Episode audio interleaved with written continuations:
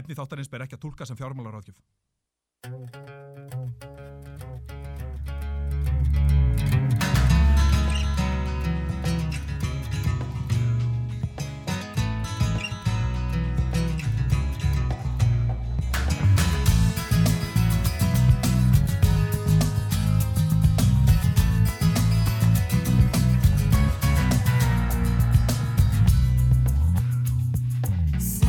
Sometimes I find another world inside my mind when I realize the crazy things we do. It makes me feel ashamed to be alive. It makes me wanna run away and hide. It's all about the money. It's all about the dum dum da da dum dum. I don't think it's funny. See us fade away. It's all about the money. It's all about the dum dum da da dum dum. And I think we. It's all about the money Komið sæl og blessuð þegar að hlusta á fjárfestingu skemmti þáttum fjármálin Það er 50 dagurinn 30. september í dag og klukkan er 5 Nú eh, Hákon Jóhannesson heiti ég Og ég heiti Mattias Tryggvi Haraldsson og þema vikunar er ekki af verri endanum. Nei, Það er reyðu fjö. já, við vorum að fjallum mat hérna fyrir viku síðan og núna uh, förum við á aðrar slóðir, allt aðrar slóðir Já, aftur í ræturnar. Já, Eh, Út af því að fyrsti þátturinn var um peninga já, og núna er það svona, þetta er í rauninni framhaldsþáttur af fyrsta þætti. í raun og veru má, má segja að þetta sé framhaldsþáttur af fyrsta þetta og við erum, kom, við erum svona, við leifum okkur að fara aðeins frá uh, uh, svona fjárfestinga hugtakinu þegar við veljum þema en við leifum okkur líka að fara nálagt fjárfestingar uh, hugtakinu Já. og núna erum við a- ansi nálagt í Já, við erum mjög nálægt í að vera um fjármálin út af því að þetta beintengist fjármálunum. Þetta er þáttur um fjö, Já, nánar tiltekið reyðu fjö. já, við erum að tala um reyðufjö sem er aldrei gaman að því að þetta reyðufjö, sko, hvað, hvað hugsar fólk þegar það heyrir orðið reyðufjö? Það hugsa vantalega seðlar, Já. seðlar í, í, Klink. Já, og jafnvel þeir sem, að, þeir sem eru, eru svona miklir, eh, hvað ég að segja, nautnasekkir og sælkerar, þeir hugsa jafnvel um seðla í miklu magni. Já, og, þá eh, með háum upphæðum, Há, háar kannski jafnvel upphæðir, útlenska seðla. já, og staplar af seðlum. Já. Þetta hljómar allt saman mjög spennandi. Nú, uh, já, við myndumst nú aðeins á Rostungin Valla hérna fyrir viku síðan. Uh, hann hvarf af bryggjunni á höfni í Hortnafyrði, en hann kom aftur. Já. hann let sjá sig aftur og, og núna uh, er, uh, já, gleðum við að tilkynna hlustendu það að við Mattias ætlum að gera okkur ferðanga til þess að bera hann augum og, og við uh, gerum það sjálfsög, sjálfsögðu með viðkomi hjá hann Guðjónu í hveragerði sem við töluðum uh, við fyrir viku síðan þar sem við ætlum að prófa flatkökurnar og vefjurnar og, Í gauju matvagni Í Gauju matvagni. Og- Hotflug skyndibiti í og, hver, Hveragerði. og hver veit nema á leiðin úr bænum þá uh, stoppum við hjá Brein bókaldið og ráðgjöf uh, til þess að svona fara yfir bókaldið okkar síðustu tvo mánuðina við hefum ekki verið nógu duglegir að, að uh, kíka á bókaldið og þá er eina vitið í raun og veru að fara upp í Brein B-R-E-U-S-U-L-O-N E þetta er ekki eins og Brain, heili heldur Brein uh, með Y-i No brainer No brainer, segja einhverjir og við segjum það saman Ég fæ stundum kvíða þegar ég skoða fjármálin og bókaldið og Já. þarf að senda bókananum mínum tölvupóst eða spurja hann eitthvað Einmitt. Mér líður alltaf eins og ég sé heimskur Já, og ég er ekki vanur því að líða þannig nei Mér líður stundum þannig í þessum þætti út af því ég veit svo lítið um fjármál Já, og mér líður þannig í samskiptum við bókanan minn af sömu ástæðu Ég held að það sé frábært að viðurkenna sko fyrir sjálfu sér að maður veit lítið og uh, aðeins þannig getur maður ve- lært og verið opinn fyrir nýjungum og lærdómi og, og upplýsingum sem að maður hefur ekki heyrt áður. Og það er svo fyndið, því meira sem maður lærir, þetta á við um fjármálin Hmm. til dæmis, Já. Þa, því meira sem maður lærir, því meira kennst maður að því að maður veit ekki neitt. Það er nefnilega Því málið. sko. meira sem, því stærri sem sjóndeldarhingurinn er, því betur skilur maður sjálfur að maður, hvað maður veit lítið og Já. maður er bara eiga í stóru hafi. Og ef maður er bara eiga í stóra hafi, þá hefur maður fulla ástæðu til þess að vera forvitin. Já, Og, það, og forvitin ennú þar sem heldur bless, blessuðu lífinu í okkur öllum. já, ég er það er sammálað þessu. forvittni fyrir því að vera á lífi og læra eitthvað nýtt og við erum hér til þess að læra við erum að fjalla um fjármál á þess að vita nokkuð um fjármál Við erum forvitnir. við ætlum að heyra til dæmis Jenny Björk hjá Brain bókaldið og ráðgjöfa eftir við ætlum að ræða aðeins við hana og fræðast og við ætlum að auðvitað með áherslu á reyðufjö sem að er eins og áður segir þema uh, vikunar að þessu sinni Þetta er kannski líka uh, bara innskot hér vegna þess að við höfum aldrei fengið áður ábendingar frá hlustendum en það barst hérna ábendingum sem sagt þema síðasta þáttar Já, og, og það var hlustandi sem hafði áhyggjur af því að, að náttúrulega þema síðustu viku var matur mm. og þessi hlustandi hann sendir ábendingu á útvarpsögu og hann hefur áhyggjur af hérna lokun áburðaverksmiðja Já hann hefur ágjöra af lokun þeirra og, og afleðingin af því gæti verið uh, matvæla, sko, jafnvel hækkað matvælaverð eða sko matvæla skortur Já og, og, og, og, og, og hann spyr er komin tími til að við hö- starfrækjum áburðaverksmiðu hér á landi Já, og þetta er spurning sem við getum ekki svarað en við vildum varpa þessu fram út Já. ef við fengum þessa ábendingu af því að maður náttúrulega, ge- maður náttúrulega sko, matvæla skortur er náttúrulega uh, hugtak sem að sem Hljómar að mjög illa. hljómar alvarlega og, og, og svona næsti bæri við matvæla skort lítur að vera hungursneið Já, ég meina ef þú átt ekki efni á mat og matvæla verð hækkar þá áttu enn síður efni á mat og, og næsti bæri við hungursneið lítur að vera útrýming já svona ef við förum förum svolítið á langt mjög myrkar slóðir Já, En það er nú ekki ætlunin í þætti vikunar út af því að þáttur vikunar eh, hefur þetta þema reyðu fjö og ég bara legg til að við vindum okkur í eh, dagskrárlið. Þetta voru ábendingar frá hlustendum, nýr dagskrárliður en næsti dagskrárliður er kunnulegri, hann er viðskipta fyrirsagnir vikunar. Gjörðu svo vel. Viðskipta fyrirsagnir vikunar Já, viðskipta fyrirsagnir vikunar verið velkomin í þennan fasta lið hjá okkur. Nú, eh, við ætlum að byrja þetta á léttum fréttum. Katrin Olga Jóhannesdóttir, viðskiptafræðingur, hún hefur verið kjörin ný í stjórn kaupallarinnar, Nasdaq Æsland. Nú, Tatjana Sirokova hefur verið ráðin fórstöðumadur Sölusviðs Play Air. Sem eh, hefur, þeirri spurningu hefur verið varpað upp hvort að það sé skítakompani. Já, þeir, þeirri spurning hefur verið varpað upp í þessum þætti, en, en þó án... án eh, Gildistóms, án við vitum ekki gildistóms, svarið. við erum að vitna í raun og verið í pistil þegar við, þegar við tölum um, um þetta Já, óverk þessari spurningu fram. opinber ummali. Já, en uh, já, það eru fleiri ráðningar Axel Gunnlaugsson og Alli Björgvinsson þeir ágættu eh, herramenn, þeir voru ráðnir til kynnisverða Þá skum þeim góðu skengis. Já, Nýju við skoðum áfangi. til hamingjum með nýju, nýju stöðugildin Já.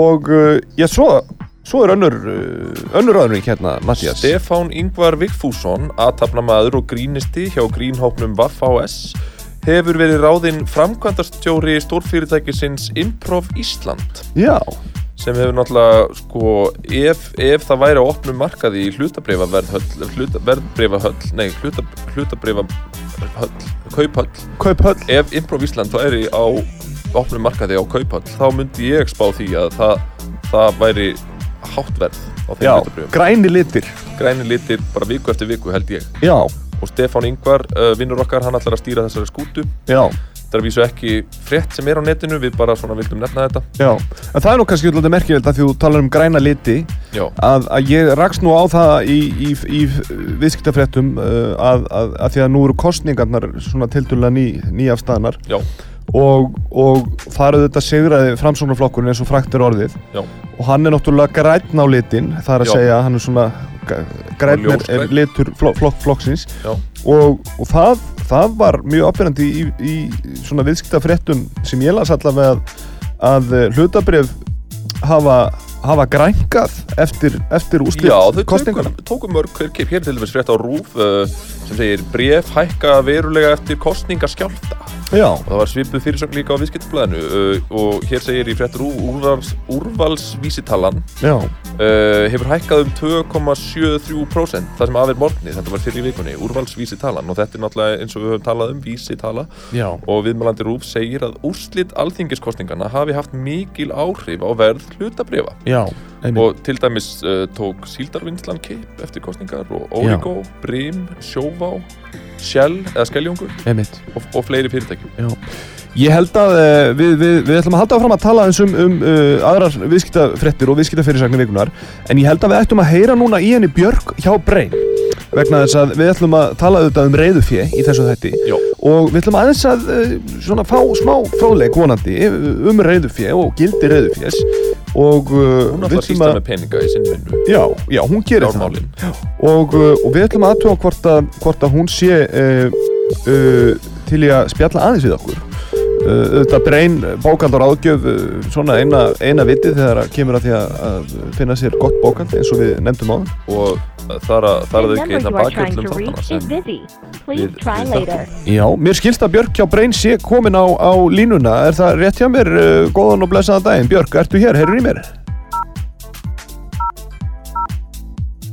Já, það er engin rödd sem að svara mér hér og uh, það, það er því spurning hvort að, uh, hvort að tækni sé eitthvað að stríða okkur, ég veit það ekki en, en svona ef, að, ef við uh, tölum aðeins um þessar viðskipta fyrirsagnir sem að við erum komnir uh, í uh, þá uh, auðvitað erum við að fjalla um reyðufjö og, og, og, og, og það er náttúrulega ein tegunda pappír nú uh, önnur tegunda pappír er salernispappír sem að uh, var eh, í, í viðskiptafréttum eh, Costco eh, auðvitað eh, mjög ábyrjandi í, í salninspappir sölu en eh, mér skildi að við séum komni með þennan Björk eh, frá Brein á línuna Björk, eh, heyr- heyrðu þú í mér? Já, já, heyrðu vel þér. Já Blessuð og sæl Björk og velkomin í, í þáttinn Sæl. Takk fyrir. Sælis, bóðir. Við, eh, Og takk fyrir stuðningin. Já, nú bara lítið. Bara gaman. við, við, við erum hér að ræða í, í, í þessum þætti uh, reyðufjö þema vikunar hjá okkur núna að þessu sinni er, er reyðufjö og, uh, og mér langaði svona að uh, spurja þig út í, út í uh, nokkra svona króka og kýmar reyðufjës uh, Björg Já. sko það sem við erum doldið að velta fyrir okkur sem svona, já kannski ekki markfróðir menn um, um þetta hugtak eh, en, en við veltum því enga síður fyrir okkur er reyðu fyrir eitthvað sem að þú telur vera í, í útrýmingarættu? Sko, uh, maður eru oft hugsað út í þetta nákvæmlega með, með peningana. Uh, að- Já. að Einhvern veginn, mín tilfinning er svo að það sé svo sem ekki hægt að útrýma því alveg. Uh, Nei. Við getum gert það held ég á Íslandi en í öðrum Hmm. löndum eða það, get, það er kannski hægt einhvers staðar í þessum hérna, löndum sem eru kannski ekki komin eins langt og við í bara þróun Já. að þau lönd gæti nú alveg verið með reyðu fyrir minna, þú veist, við höfum öll heilt um fyrra takkkerfi, þú veist, eins og í Afríku og svona, og þú veist, Mhm. að maður hefur verið að Aha. fara að ferðast að það var eins og bara til þess að kúpu Það er tvöfalt hagkerfi þar. þannig að hérna uh, Og, og, Ef við hvað, og einhvern hvað tímann svona ef, að- ef, að- Lögfalt hagkerfi. já, og, og, og hvað svona ef, ef einhver hlustandi er núna uh, setur, setur kannski uh, vísifingur undir höku og, og hugsar hvað ætli tvöfalt hagkerfi þýðir? Hvað, Það hljóma hvað ég myndirðu- bara vel. Ein, einfalt hagkerfi er gott Já. og tvöfalt lítur að vera tvöfalt betra. En hver, hver væri svona einföld skilgreining á, á þessu hugtaki, tvö- tvöfalt hagkerfi? Það er bara, eins og við tökum bara, þú veist, aftur frá Kúbu fyrir, uh, að ferðamenn Já. sem komu til Kúbu minni mig að noti kanadíska dollara, allavega meðan að viðskipta það sem voru hérna á bandaríkjumenn og byrjum bandaríkjumenn á Kúbu.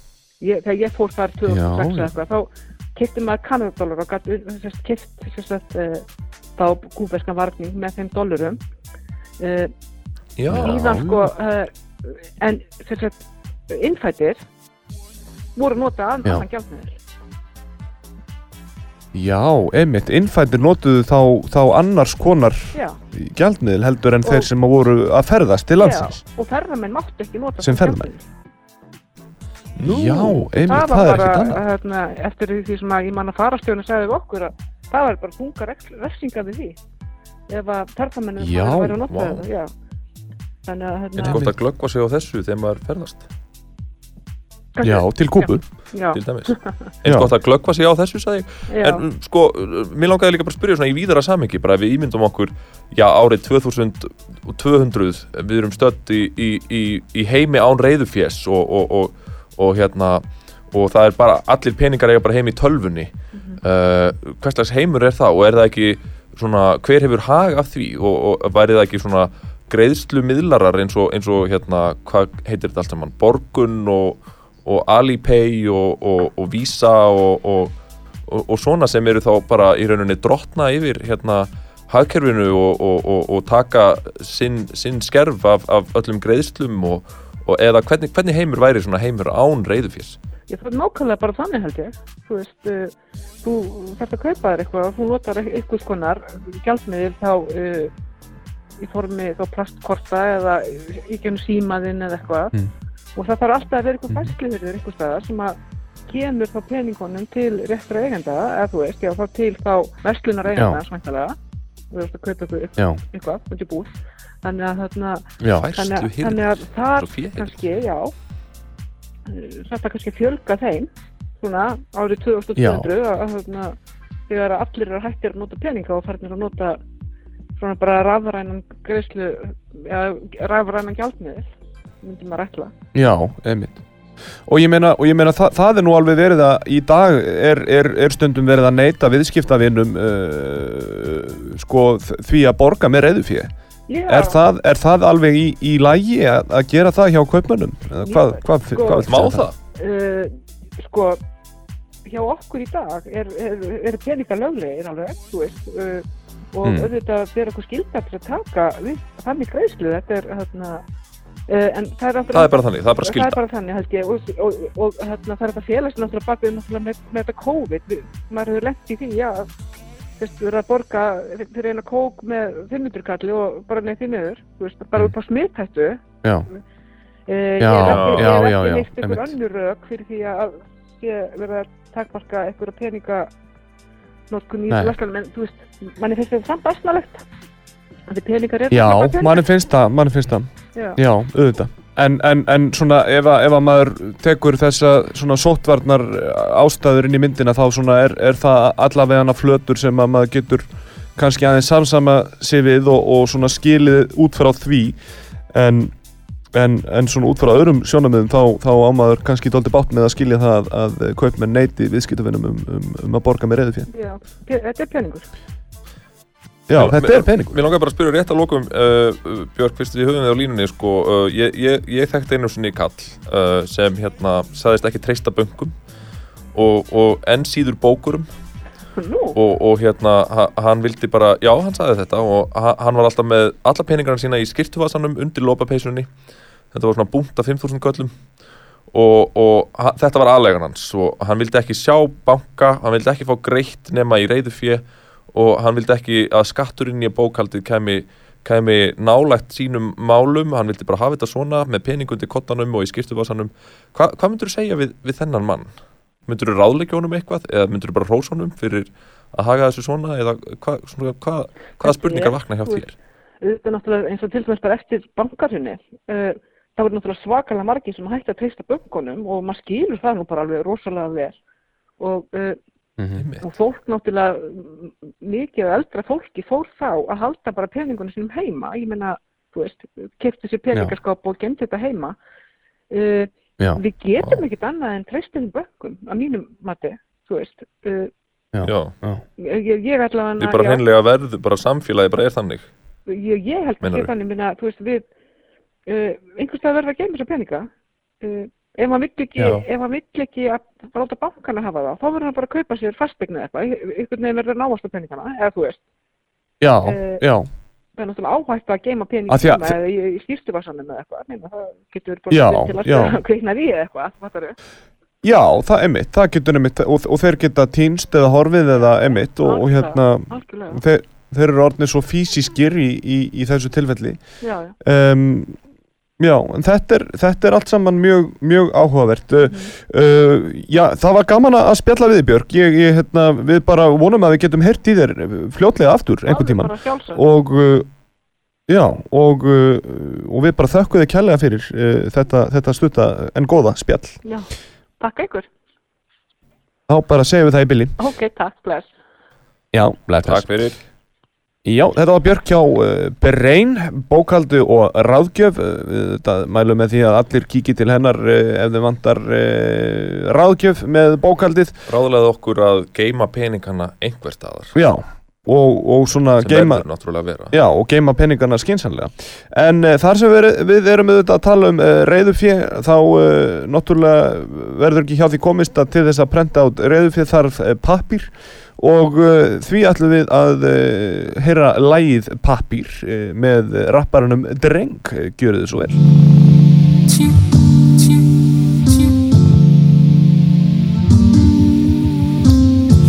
Æ, þú veist að pappirinn er það sem er skipta máli Þangar til að við skeinum okkur með fucking tíu skona bláðan svelan Bói, bói, bói viti eins og hýta veita Aldrei jól en alltaf að skreita Past alltaf alla var veita Með þetta í kringum mig þarf ekki að leita Reglur að beigja, leiknum að breyta Mínu sættir því ég minn steina Lifi á sig, hlust ekki á ykkur veina Ekki reyna, mynd þessi gleyma Sorry, flestin þurft að koma seinna Skil ekki, veit ekki hvað ég meina Ekki spyrja, veist ég minn neita Þarf bara að tala, þarf ekki að meila Vilja heyra meira, leikin að gleyma Nú að fiskum ég er að veiða Þarf ekki að spyrja, veist ég minn meira Ég er með steina, ég er með greinar Alltaf, alltaf góð, en ekki neysla Alltaf á hundra endurins keilsla Penny motherfucker. Papi, papi, papi Papi, papi, papi, papi Papi, papi, papi Sell him, boy. Papi Papi, papi, papi, papi Papi, papi, papi Ég er að vinna að því Fylg sem ég tapa vildi Stundi getur spóla tilbaka Reyndi ekki að pæla Kuna matata Komin á toppin Kongu Mufasa Skipi laður upp Ráða skynsami þess að Natalía fara Kann ekki að spara Samt er að stapla Og mikið að gera Er að kamna Kúturinn er græða Get ekki kvarta Búna gangi Gjarnum Alltaf þess að kapla Allt sjálfur Ekkert elsku mamma Taka, baka, flaka Kenni sig krakka Alltaf, alltaf góðu Kallin að samna Karma Papi Papi Papi, papi Papi, papi, papi, papi Papi, papi He's gonna blow him, sell him, boy. Papi Papi, papi, papi, papi Papi Papi, papi Papi Parti, staflati, aflati, papi Alltaf að því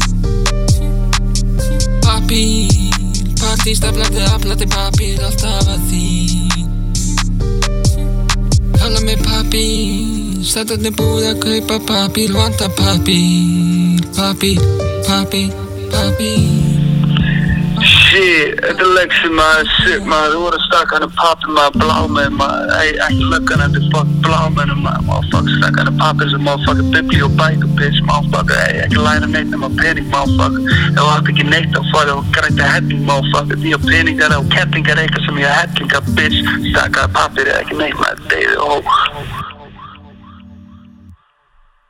Já, þarna heyrðum við lagið Pappir með eh, rapparnum Dreng En uh, Ég er þetta var nú að fá mér aldeilis, uh, hvað segirðu? Ég er að fá mig vatn, svo hlustendur. Þú ert að fáið vatn og, og, og uh, það eru þetta besti drikkurinn og við mælum að sjálfsögum með því að hlustendur uh, fáið sér bara vassopa núna þegar þeir heyra þetta. Það er, það er nú mjög oft þannig að, að uh, fólk drekkur ólítið af vatni en, en við erum að tala um reyðufjö í, í þætti dagsins Við erum að því. og uh, við vorum að ræða við hana Björk hjá Brein.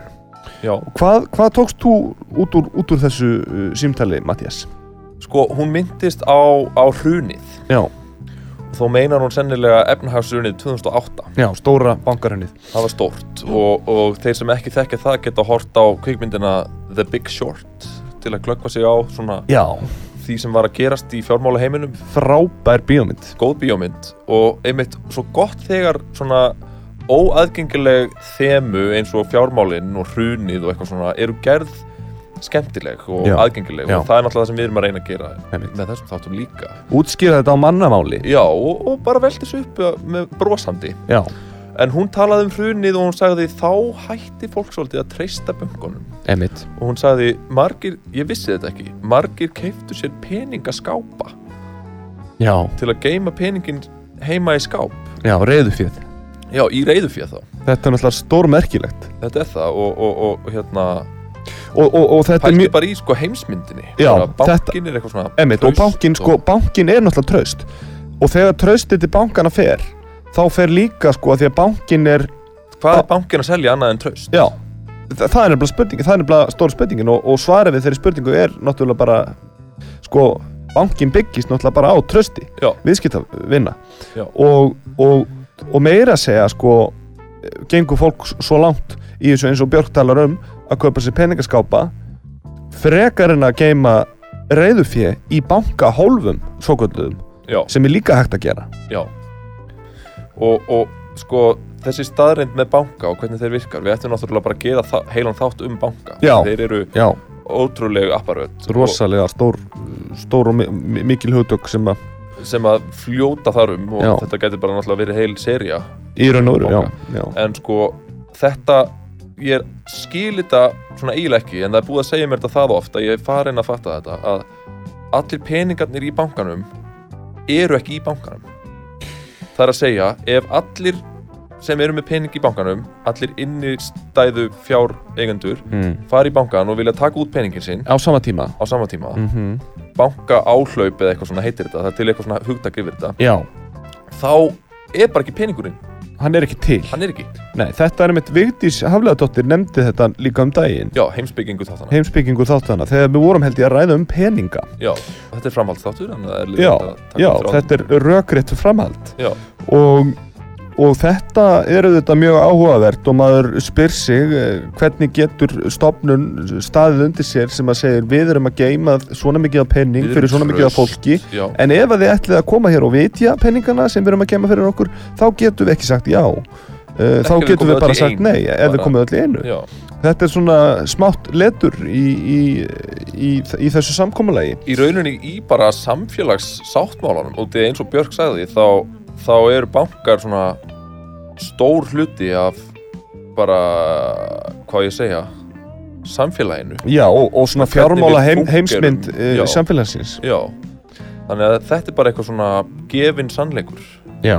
að þú geymir peningan í banka þar sem þeir eru í raun ekki Nei, ekki allir ekki allir og, ekki, að- og, og svo sannarlega ekki tö, tölurnar á blaðinu eru ekki, ekki, eh, helst ekki hendur við þær tölur sem er hægt að leysa út uh, allt í einu. Það er nokkuð ljóst. já þetta, þetta er bara undarlegt Já, eða þú veist bara vekur spurningar og bara, já, og bara þú veist fróðlegt já, kannski finnst sumum það skemmtilegt en svo var ég náttúrulega að spurja út í þennan kall sem ég hitt einu sinni sem, sem geimdi peningin sinni í skiptuvassanum já, vildi hafa þetta í seðlum já, og, og þá fór ég náttúrulega að hugsa um sko hugsa um hérna traust mm. og, og mér dætti í hug sko einhvern kall á YouTube sem ég horfði á sem var að tala um peninga og hann sagði sko peningar er bara fjárfesting eins og hvað annað Peningar er bara fjárfesting eins og hvað annað. Já, hann, hann sagði ef þú ætlar að hugsa eins og fjárfestir og oft tala svona kallar á YouTube eins og þeir vita allt sko. það Já. er oft ringja viðvörunabjöllur hjá mér þegar fólk segir bara eitthvað svona Já, en, en hann sagði þetta, hann sagði peningar eru bara fjárfesting eins og hvað annað Já. það er að segja, til þess að hugsa eins og fjárfestir þá verður þú bara að líta á pening sem fjárfestingu já. og við erum með 5.000 krónur seðilina fyrir, fyrir framann okkur Mm -hmm. það þýðir að ég hef ákveðið að verja þessum 5.000 krónur seðlum í það að fjárfesta í íslensku krónunni það er eign Já, og að ákveða að binda hana í reyðufjö emitt. ég gæti tekið hennar 5.000 krónu seðil og keift mér gull Já. eða hlutabref í Marel Mhm. eða eitthvað en það er bara ákvörðun að binda hana í reyðufjö Já, og einhver fjárfæsti myndur segja það er slæm ákvörðun já. það eru rauðartölur Einmitt. út af verðbólgu Já. eða út af einhverju Af því að þessi 5000 kall, þessi pappir er aldrei að fara að breyta gildi sínu. Hann verður alltaf þessi pappir. hann í rauninni rýrnar í verði út af því að það eru prentaðir fleiri svona pappýrar Já. og þá myndi einhver fjárfæsti segja þetta er slæm fjárfæsting Já. Svona allavega kannski til lengri tíma. já, já, já En það er alltaf að eiga þennan 5000 kall jafnvel í 2, 3, 4, 5 ár. Já, já, náttúrulega bara hendug fjárfestinga að því leiti að ég þarf stundum að kaupa mér hluti. Já, já. Og ég meina að þú veist, og ég meina maður velti því fyrir sér ætla að sé ágætt að eiga smá reyðu fyrir alltaf og, og svo smá hluta annar staðar og smá hluta enn annar staðar. Já. Ég meina við höfum rætt áður í þessum þætti að, að svona til þess að uh, vera skinsamur með peningana sína þá er ekki gott að eiga þá alla á sama og eina staðnum Nei. og, og þá spyr ég í framhaldi af hverju ekki að eiga allavega bara einhvern hluta í reyðu fyrir er ekki einhvers konar uh, öryggi fólkið í, í því að eiga reyðu fyrir þó það sé Já. kannski ekki hagkvæmt upp á, upp á þessar sveiflur og upp á niðurtölur en svona til, til ekki svo langs tíma Já. ætli það sé ekki bara ágætt að eiga smá reyðu fyrir Jú, kannski, ég veit það ekki. Ég held að þegar fólk hugsar um öryggi þá hugsar það rosa mikið um, sko, húsið sitt, já, ef það á fastegn, einmitt, eða þá bara innistæðinu á bankabóknum, já, já út af því að það treysti bankanum Já. sem það vesla við. Já. En svo náttúrulega kemur kom upp þessi tröstvandamál við bankana eins og gerist í hruninu eins og hún Björk talaði um. Já. Þannig að þetta eru auðvitað, það eru, það eru svo margi krókar og kemar í, í, í þessari, þessari umræðu Já. að, að, að einhvern veginn eh, þetta er, Hún þetta er stórt haf. já, hún Við er erum stórt bara haf lítil eyja í og, stóru og hafi. stórt haf í raun og veru með mörgum mörgum Fjörðum, hliðum Mörgum, mörgum flóum Já. og, og, og djúpum. og það er kannski einhver líkil skilningur í þessu það er engin, það er engin ein niðurstaða í þessari umræðu uh, en Þú mér er skilst að uh, tækni maður þáttar einsan Davíð að Já. benda okkur á að það sé að fara að líða tíma á auglýsing Já, ég held að við ættum bara að vinda okkur beint í ölsingar og, og koma strax aftur og, og, og við höldum áfram að tala um reyðu fjö og uh, við ætlum að tala aðeins um líka seðlana sem eru í umferð á Íslandi í dag Já, í, í svona íslenskum til krónum. gaman svo fróðings Já, en uh, fáum ölsingar og við verðum með okkur uh, rétt að handan við horn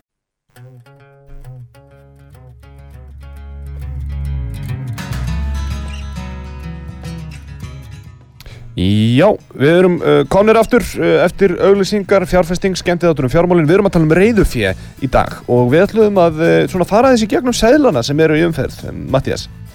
Heldur betur Og uh, svo ég renni svona aðeins yfir þá seðla sem eru í umferð í dag. Þá eru það auðvitað 500 krónu seðil, 1000 krónu seðil, 2000 krónu seðil Rétt. sem að mér skilst að sé alltaf að verða sjálfgjafari og sjálfgjafari. Sattgripur í augum margra Já, svo eru þetta uh, hinn allræmdi 5000 krónu seðil og svo er þessi 10.000 krónu seðil sem að mm, er umdeldur. Hann er það En, eh, en eh, þessa seðla uh, prýðir uh, ímis konar fólk. Já, við höfum fólk á sælunum Já, og, og það er náttúrulega fyrst hann ber að nefna Jón Sigursson sem að prýðir 500 kallin Já, og ég raun og veru prýðir hann alla seðlana af því að ef þú liftir uh, liftir íslenskum seðli upp í loft núna er Hákon komið með 5000 krónu seðli minn sem við rættum á þann Já, og ef þú, Ber hann lift, upp á ljósinu ef þú liftir hann upp í loft og beinar hann að maljónsinu þá sérðu rétt fyrir neðan skráninganúmer seðilsin sem að um, í þessu tilviki er F19435501 að, að þá sérðu þar er andlitsmynd af Jóni Sigursinni Já, hann er þarna hún byrtist með okkur. þarna og þetta er ákveðið svona, svona gæðamerki maður, svona, maður getur notað þessa aðferð til þess að aðtöfa hvort að seðallin sé ekta Mhm. en Jón Sigursson eh, kallaður oft Jón Forseti hann prýðir allan 500 krónar seðilinn Já, og, og, og, og svona götu heiti 500 krónu seðilsins er náttúrulega rauður, einn rauður, eitt rauður einn rauður og svo, svo er það náttúrulega 1000 krónar seðilinn Já. seðillinn. Þar er það Brynjólfur Sveinsson já, skálhaldsbiskup Hann var biskup, hann var uppi á 17. öld já. og uh, ég er með Wikipedia grein á ensku um hann fyrir fram að mig já, Það stendur að hann skrifaði mikið um norrænar bókmyndir já Við eigum honum mikinn fróðleik að þakka um þær já, En þær eru hins vegar ekki þema þáttarins í dag Það Nei, nei. við ætlum ekki að ræða norrænar bókmyndir neitt sérstaklega Ég vildi bara nefna þetta Já, og svo er það 2000 krónar seðilinn, það er eh, sjálfsögðu Jóhannes S. Kjarval, eh, myndlistamæður Það er svona nútímalegra að hafa hann Já, það er það og það er, það er skemmtilegt að, að hann prýði þarna eitt seðil Smá módernismi í því Já Nú, uh, 5.000 krónurnar, það er Ragnhöður Jónsdóttir, þetta er eitthvað sem kannski ekki allir vita uh, Ragnhöður Jónsdóttir, hún prýðir þarna 5.000 krónar seðilinn og, og hún var hannirðakona Mikil hann er það konar Já, mikil hannirðakona og, og á þjóðminnasafninu þá, þá eru alltarisklæði sem hún er talin hafa, hafa skapað Þetta meina þetta Já, Og á Wikipedia grein sem er líka á ensku já, Þá stendur Ragnhildur Jónsdóttir was a wealthy member of the powerful Svalbardsætt family. já, já, já Hún var ríkur meðlimur hinnar voldugu Svalbardsættar. Já, einmitt, sem að ég Sem veit að- ekki neitt um Nei, og ég vissi ekki. Og Nei. sko, þetta er bara fróðleikur sem ég tek með mér Já, út í, út í lífið. og svo er það 10.000 krónar seðillinn, það er Jónas Hallgrímsson Hann er oft kallaður Jónas. Já, 10.000 seðillinn króna sjálfur, sko, seðill. Já. einn 10.000 krónar seðill kallar einn Jónas Mér finnst það að 5.000 krónar segillin ætti að vera kallaður Ragnhildur. Já, ragga Er Ragga. það, er það of, langt gengið að, að eh, segja ragga? Já, þá getum við kallað hérna, Rauðan, Jonna. Já, eða bara, 10.000 króna eða, seðill. eða 2.000 krónar seðill getum við kallað Jóa Já, og, og, og 5.000 krónur seðilinn Ragga, já, og 10.000 krónur seðilinn Jonna, og 1.000 kallin er bara binni Binni. En, en svo velti maður þið fyrir sér, sko að því að það er fólk að príða þessa seðla Já, vi- mér finnst það eitt og sér vera pínu skrítið. Já, Ef við hugsum bara aðeins inn í nútíman. já, Mér finn, bara, þetta er bara skoðun. hérna. Já, ég er já. ekki að vitna í neinar traustar heimildir Já. eða fræðigreinar. Ég er bara svona veltu upp minni tilfinningu þegar ég sé að það er svona fólk á öllum seðlunum. já Væri ekki bara flott að hafa mynd af hérna einhverju fínu fjalli eða eða, eða hálendinu eða Já, eða sjónum já, Ísafjörðardjúp Einmitt, já, það, Arnarfjörð? já, já, en þá ertu kannski þá líka með Já, í einhverjum tilvöldum ef þú ert með Arnarfjörðin til dæmis þá ertu með mynd af Arnarfjörði sem er sérvalinn fyrir seðilinn Já, og þá er vantilega einhver listamaður sem hannar þá mynd og já, það geta tölfur búið til listaverk í dag Já, Það er þetta já. forrita tölfur til þess það er enda Þá alveg ertu ekki með sko höfund sem er réttilega, þú aldrei gildist það líka Já, en bara, bara að tölvan fái verkefnið að hanna á seðilinn já Æ, Einmitt. ég veit það ekki Ég, ég, ég, einhvern veginn, mér, mér finnst gaman að hafa fólk á seðlunum og ég held að það væri hægt að sko svona, svona uppfæra sko eða endurnýja þetta reglulega Eh, Já. það er að segja, það væri hægt að eh, endurnýja, þú veist, og það væri hægt að heiðra, heiðra fólki sem að nú þegar hefur komið á, á og verið á þessum seðlum Já, bara, bara í sögunni og, og þau eru náttúrulega komin í sögubækunar fyrir löngu fyrir að vera á þessum seðlum já, Eh, en, en það er hægt að endurnýja og það er hægt að segja já, nú ætlum við að breyta núna mun eh, Vigdís Finnbóðadóttir príða 15.000 krónar seðilinn það væri vissulega Til- skemmtilegt til dæmis. En til dæmis væri líka hægt að bara hafa þetta þannig að maður sækir um að fá að vera á, á seðli já, og, og meðal umsækjanda er bara dreigið af handahófi já, og, og það myndi bara standa Hákon Jóhannesson leikari ef þú væri dregin já en það þurfa þá kannski að vera einhverjar hefniskröfur til þess að koma, sér- koma sér í Já, pottin myndin þarf að vera góð, hún má ekki vera dónaleg Já. þú mátt ekki vera að gera fokkjú þú þarf kannski að hafa hreina sagaskrá reyna sakaskrá, já þú mátt ekki vera fjárglæpamaður nei, nei og, og þú þarft, já það hljóta að vera eitthvað svona, já, stokka aðeins upp í þessu Já. við erum sammála um það en við erum að ræða um reyðufi í Já. þætti dagsins og uh, það er pistill uh, frá þér, Mattias, sem að býður hérna, býður þess að vera spilaður já, og uh, ég held að við ættum bara að spila þennan pistil og svo ætlum við að ræða aðeins um þennan pistil og uh, það sem við tölum um uh, reyðu fjö uh, reyðu fjö eru þetta bara seðlar, penningar í reyðu fjö uh, við ætlum að fá pistilinn frá Mattiasi uh, gjöru þér svo vel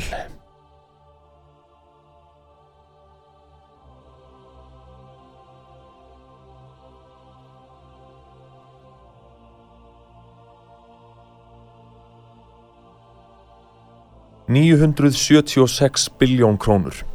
Þetta er virði alls reyðufjés í heiminum í dag ef marka má internetið. 976 biljónir. Við gætum keift um 15 miljarda sómasamlokna handa hverjum og einum landsmanni fyrir þessa upphæð.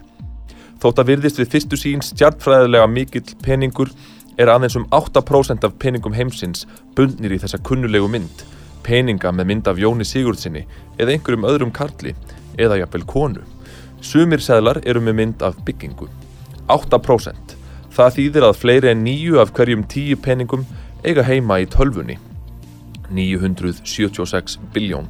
Markaðsvirði á öllu gulli í heiminum er álíka hátt, reyndar örlítið hærra. Virði hlutabrefa heimsins eru um tíu sinnum meira en allir seðlar og smámyndir, tíu sinnum meira og þar vega bandarísk hlutabref þingst. Ef þú ættir allt reyðufíi í heiminum, gætur það ekki keift öll bandarísku hlutabref í heiminum en kæmist langt með að kaupa öll þau evrópsku.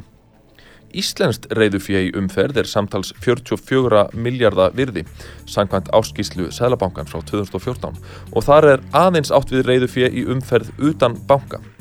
Fyrir þá upphæð gætu við aðeins keift um 267 sómasamlokur á mann, enda er Ísland eitt þeirra landa sem reyði sig hvað minnst á reyðufjö. Einu sinni voru Íslendingar með auðra í vasanum, en við hættum alfarið að slá auðra árið 1990. Þar með heyrði 50 auðra peningurinn sögunni til. Margir hafa spurt sig hvort það sé nokkurt vit í því að slá áfram eina krónu peningin, en það er fátt sem hlustendur geta keift fyrir eina krónu. Raunar kostar meira en eina krónu að slá eina krónu, en framtíð einu krónunar verður ekki leist í þessum þætti. Þetta er Mattias Tryggvi Haraldsson fyrir útvarp sögu, ég þakka fyrir mig. Já, þarna heyrðum við pistil eftir uh, Mattias uh, Tryggva um uh, reyðu fjö. Nú, ég verð að segja það, mér finnst nú daldur skemmtilegt að sómasamlokur eru svona orðin, orðin ákveðin mælikvarði á, á uh, verðmati hjá okkur í þessum þætti eftir, eftir síðasta þáttar sem við töluðum um mat. Já, við töluðum um sigur hjá sómarsamlökum og við Já. reiknuðum út, uh, ég man ekki hvaða, hvað við vorum að setja í samingi en einhverjar tölur Já, en þarna varst að setja í samengi allt reyðu fjö í heiminum. í heiminum, Já. í sómasamlokum Já. og það voru hversu margar sómasamlokur á hvernig íslending. Það er að segja allir Íslendingar, bæði sko kvítvóðungar, gamalmenni, Já. fólk sem er í glútenlausu fæði Já.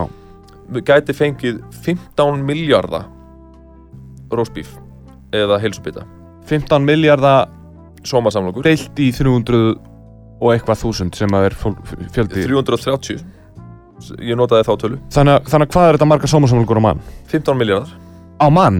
já, já, já, 15 miljardar sómasamlíkur á mann á hvern Íslending Það þýðir það að ef að Ísland væri með stefnu í eh, gegn matarsóun já, sem að þýtti það að matarsóun væri hreinlega bara ekki leifileg þú yrðir að borða mat þú yrðir að bóða matinn sem að þér eruðu útlutaður Já.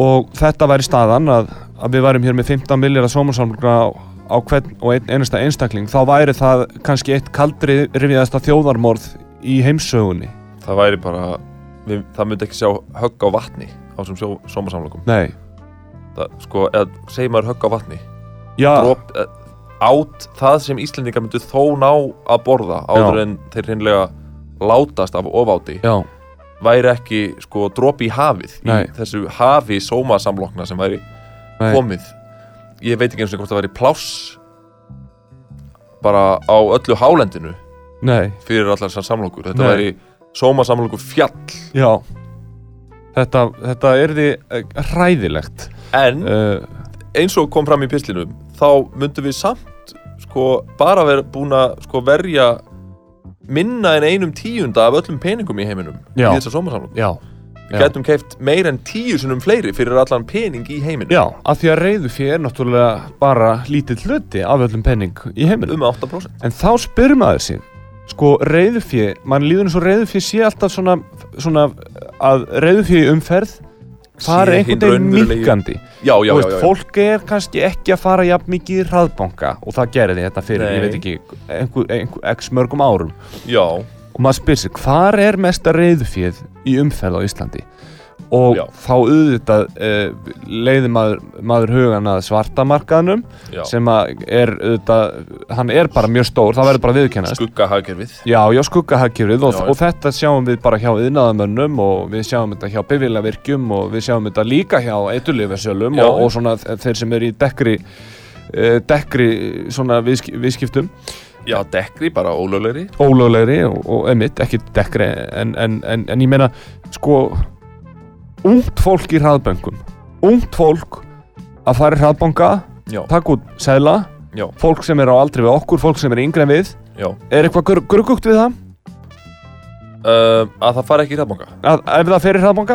já, ef það er til dæmis klætt í hettupeysu Já. og er með stóran póka með sér með einhverjum ótilgændum efnum í Já, Uh, nei, nei, ég mér finnst bara fordómar að já. ætla því eitthvað gruggugt Ég meina, ég meina, mag, kannski treystir það bara ekki bankarna sínum Ég meina, og ma- bara, ma- maður getur kannski séð- kemur mér bara ekkert við hvað Já. efnið það er með í þessum póka og maður getur séð bara, maður getur séð og unga mann, hettupeysan er bara flott úr klæðnaður já, já, já, maður getur séð unga mannesku hettupeysu farið hraðbanka í spönginni í grái, taka út þar 20.000 krónur, já, eða 200.000 krónur já, eða 200.000, ég held að það sé ekki hægt reyndar, ég held að það sé, sé takmörk, segjum bara að sé 20.000 krónur ok, og segjum að, að maður komið upp að þessari mannesku, og maður segir sæll kæri borgari, Já. samborgari já, hvað, og hvað ert þú góða að, kvöldið hvað ert að gera í hraðbanka, segir maður og þá segir uh, ungi einstaklingurinn ég er nú bara að taka út hérna, ég er að fara í fermingu og þetta er fermingagjöf Já.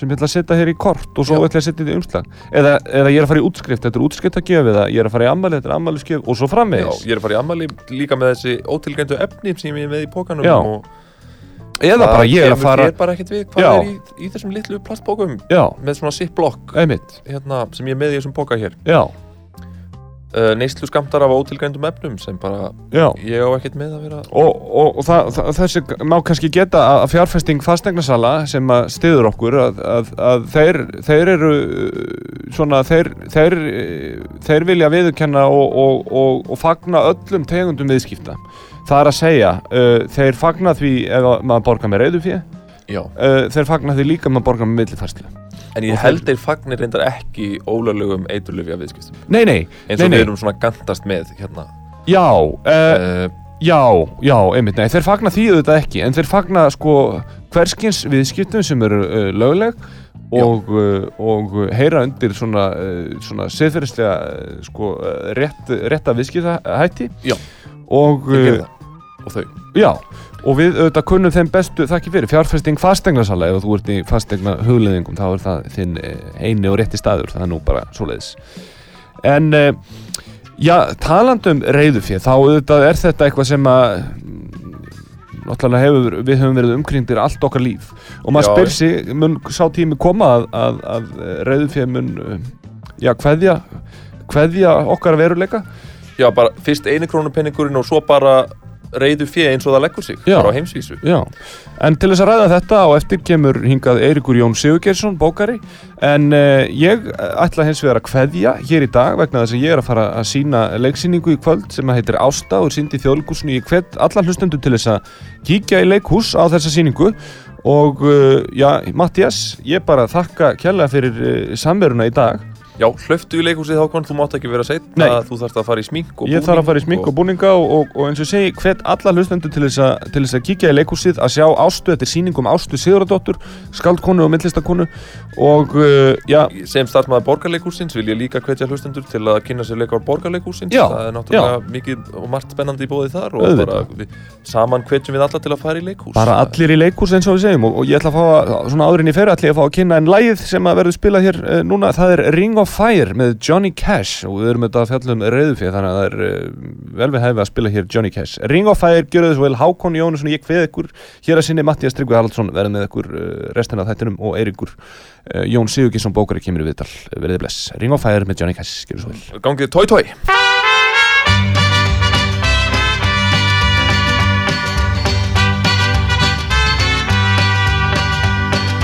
Love is a burning thing, and it makes a fiery ring. Bound by wild desire, I fell into a ring of fire. I fell into a burning ring of fire.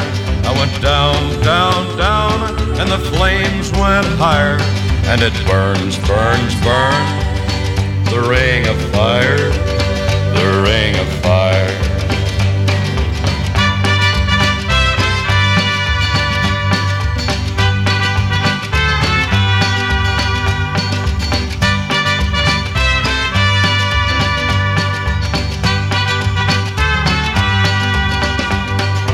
I fell into a burning ring of fire. I went down, down, down, and the flames went higher. And it burns, burns, burns.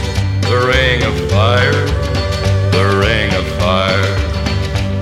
The taste of love is sweet.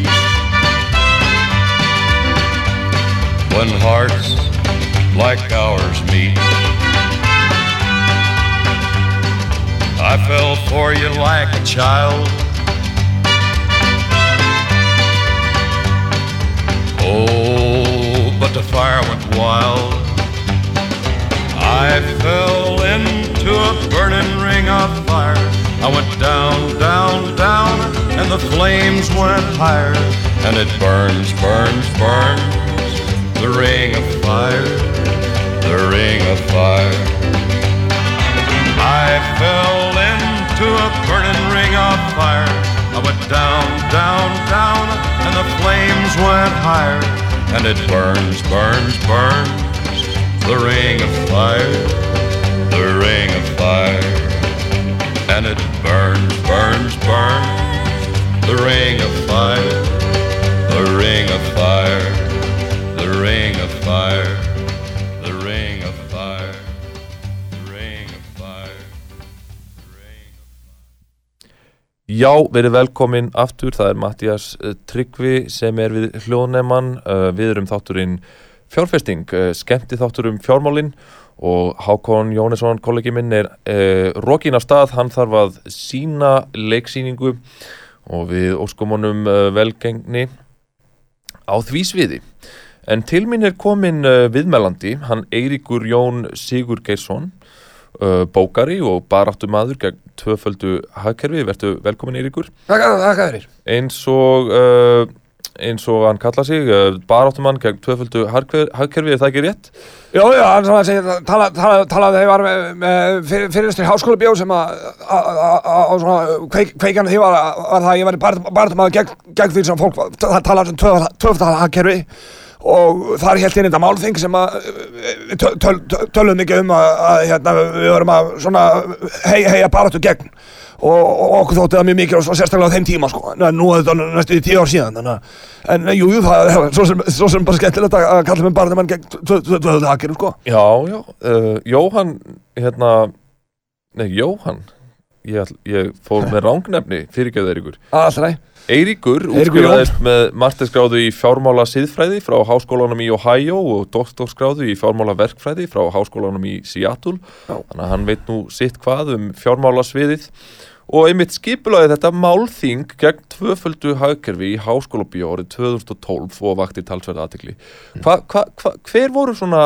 umræðefni þessa málþings og hva, hva, hvað fekk þig til að gerast baráttu maður gegn tvöföldu hagkerfi, Eiríkur? mál, málið það upp, upp af þessu öllu er auðvitað bara það svona berjast gegn miskiptingu í samfélaginu og, og hérna og reyna bara að hafa hagkjörins einfalt og, og mögulegt eða til þess að svona allir, séu- allir svo jafni fyrir því sko að því að tvöf, að þessu tvöfald hagkjöri gerir sko er að það náttúrulega bara býr til svona stjættamil á fólki sko þannig að það er eins og að hu- hugsa um hvernig pe- pe- peningum er skipt á milli fólks og það, það, það, það býr til svona flóki kerfi eins og tvöfald hagkjöri er að það er, þú veist, að einhvern veginn að- að- auðvitað verður það aldrei svart og hvitt og þetta verður aldrei einfalt en þegar þetta er svona árið svona gífulega flókið að þá verður svo auðvitað að miskipta sko með flóknum orðum og flóknum eh, svona hugtökum og, og við berjumst alltaf gegn því ber, ber, og og ég, ég hef alltaf sagt að ég hef búin að vera reynt hjarta allt með líf og þannig upp alinn að ég berst gegn tvöfjölu hagkerfi og reyna að hafa þetta eins einfalt og, og hægt er Já, einfalt og, og, og, og, og e- ef mér skjáttlast ekki var eitt af markmiðum málþingsins að berjast gegn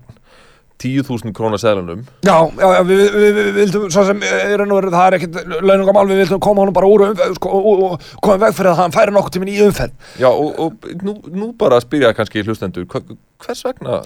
það er einfalda vegna þess að hann flækir miklu, miklu fleiri hluti en heldur hann er einfalda sko.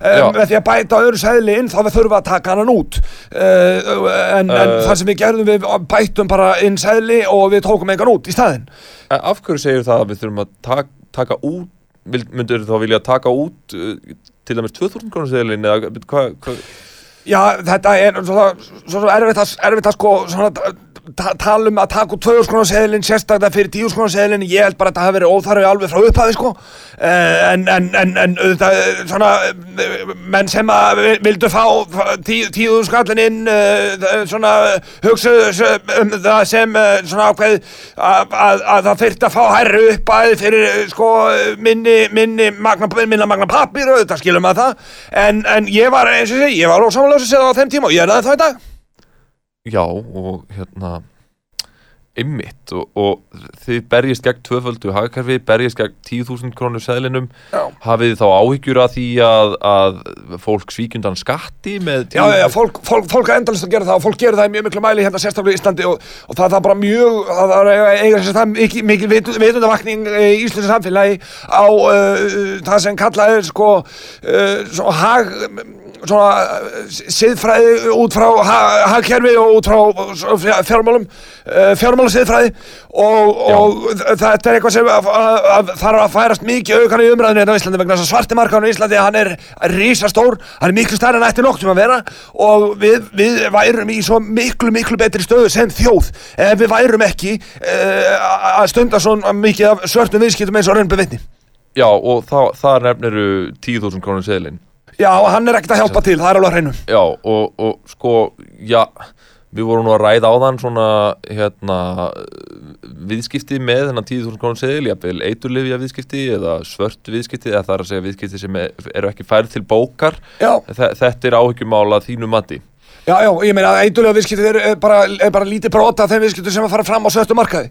Það eru, uh, við sjáum uh, eins og þeir voru nú að reyndar að tala um áðan, þeir voru að reyndu yðnaðamenn og þegar bara það gerir sér engin grein fyrir því hversu stór hluti af, af viðskiptið með yðnaðamann að fara, gegn, fara fram í- með eh, svört, svörtum hætti. Og svo náttúrulega hefur maður heyrt um uh, skúfufyrirtæki og fólk sem tekur út pening uh, utan eh, skattar e, bara svona að lokum, er það eitthvað sem þið hafið verið að berjast gegn eða Já, ég svona, eh, segi, ef, ef ekki, eh, sokki mig nú einlega mikið inn í hvað skúfufyrirtæki, eh, sko, þegar, þegar fólk tala um skúfufyrirtæki þá er oft svolítið erfitt að eh, reyna- átt að segja sko, hvað menn er að tala um, sko, að því ég, um- Þetta er svo flókin umræða til að fara í svona rétt í lok þáttar Já, að því að þetta fyrirtæki oft, oft skúfufyrirtæki, köllu skúfufyrirtæki að því að, að, því að þau eru stopnuð og svo, leggja, leggja, svo leggjast þau niður eða, eða, eða, eða gangi til árásin á svo skömmu tíma, þetta er bara eins og opna og lóka skúfu Já, já, en, já. en, en uh, uh, það, þetta er ekki svona s- s- svæði fyrir, fyrir mig til að vera, vera mikið að spe, spekuleri og ég hef ekki verið mikið á þessu mikið villi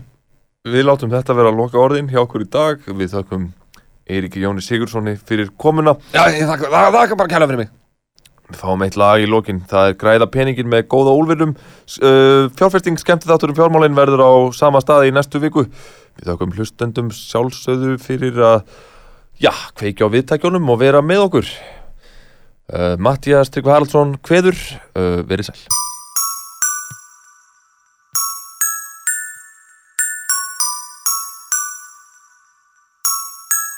Rock me, baby. Góði úlfur Ég er 26 í fjórða bekk Einu sem er með skæk í þessum bekk En mamma setti mig í fjórða bekk En ég átt að vera vinnunni í dag að græða peninginn Græða peninginn Græ, græða peninginn Græða peninginn Græ, græða peninginn Eftir skóla fór ég á jójó ís með vinum mínum Fekk með blandi í boka líka Sóaði öllum peningunum En- en- en- en ég var að græða á morgun. Græða peninginn, græða peninginn, græ- græða peninginn, græða peninginn, græ- græða peninginn, græða peninginn, græða peninginn, græ- græða peninginn, græða peninginn. Alltaf eftir skóla fer ég á hjóla bretti niður í bæ Það sem ég kem alltaf með í skólan á hverjum degi Renni niður á lauga vegin á hverjum degi Kíkja á ömmu Fæ mig köku Rúnt um bæinn Allan daginn Allt í lægi Allan daginn Peninginn græða peninginn græ, græða peninginn græða peninginn græ, græða peninginn græða peninginn græða peninginn græ, græða peninginn græða peninginn